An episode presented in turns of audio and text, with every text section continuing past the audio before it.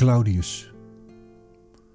Een hoorspel in acht delen met toestemming overgenomen van Otto de Bruyne.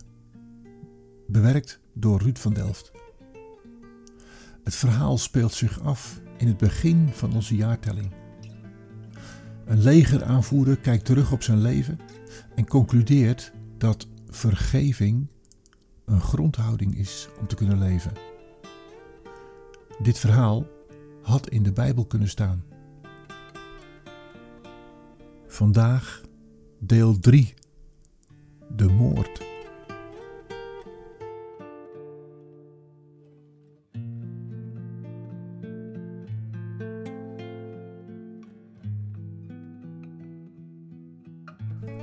Hooguit een week zijn we in Rome gebleven. En we werden verscheept naar een uithoek van het Romeinse Rijk. Wat was dat ook alweer? Ja, Palestina. Dat was het. Palestina. Dat daar een beroemde haven lag, die door ons genoemd was Caesarea Maritima, dat wist ik wel.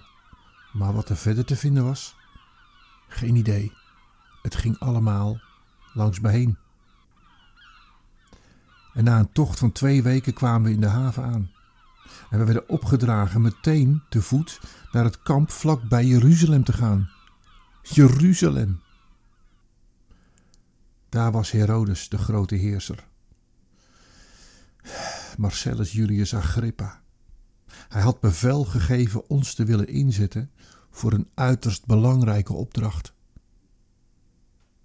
Nauwelijks aangekomen in Jeruzalem werden we rijk voorzien van wijn en eten.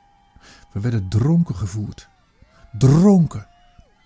En voor we het wisten, waren we een ongedisciplineerd stelletje soldaten.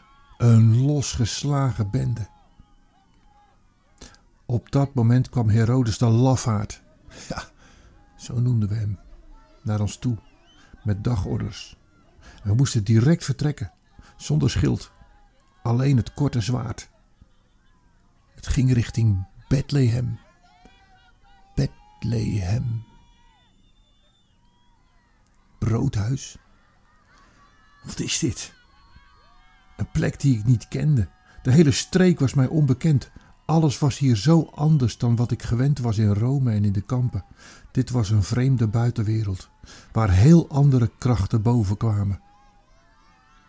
En vlak voor het dorp werd ons verteld dat Herodes had vernomen dat er een koning geboren zou zijn. En die zou zich schuilhouden in dit dorp, in dit gat. Hij zou nog maar net geboren zijn, dus we kregen de opdracht om baby's en zuigelingen om te brengen. En we waren te dronken om na te denken. Te veel van slag om de nutteloosheid van de taak te laten doordringen. En zo kwam ik het eerste huis waar ik binnendrong en een vader met zijn kleine jochie in zijn armen tegemoet liep. Niet mijn Eli! Niet mijn Eli! schreeuwde de man. Ik hoorde het niet. En in één haal met mijn zwaard sloeg ik het pasgeboren kind uit zijn handen. En in diezelfde haal kwam mijn zwaard in zijn gezicht terecht.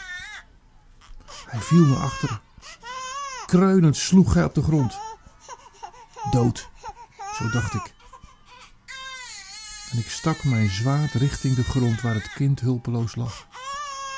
Nog even terughoudend om het staal in het kind te boren, sloeg de schrik om mijn hart. Maar in een fractie van een seconde duwde ik door en doodde het kwetsbare leven. Een zoon van een vader. De beelden van mijn huilende vader kwamen in mijn gedachten. Ik stapte achteruit met een gil. Ik draaide me om en ging naar het volgende huis. Het volgende en het volgende. Onder het bloed.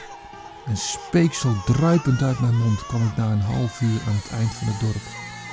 Ik ontmoette mijn medesoldaten. Maar de blik in hun ogen was veranderd. Het waren beesten geworden. Met bloed doorlopen ogen en lijkend op Marcellus de genadeloze. Wat zou hij trots zijn als hij van deze heldendaad zou horen. Mijn God, ik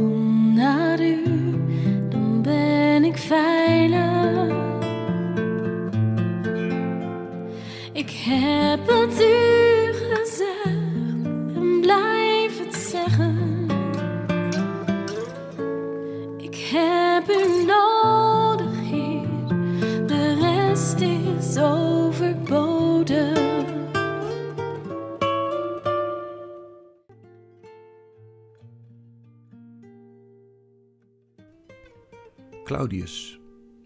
Een theatervoorstelling gemaakt door Otto de Bruyne, bewerkt door Ruud van Delft. De muziek is van gospelkoor Tin Speranza van hun cd Thanks Be to Our God, een versie van Psalmen voor nu.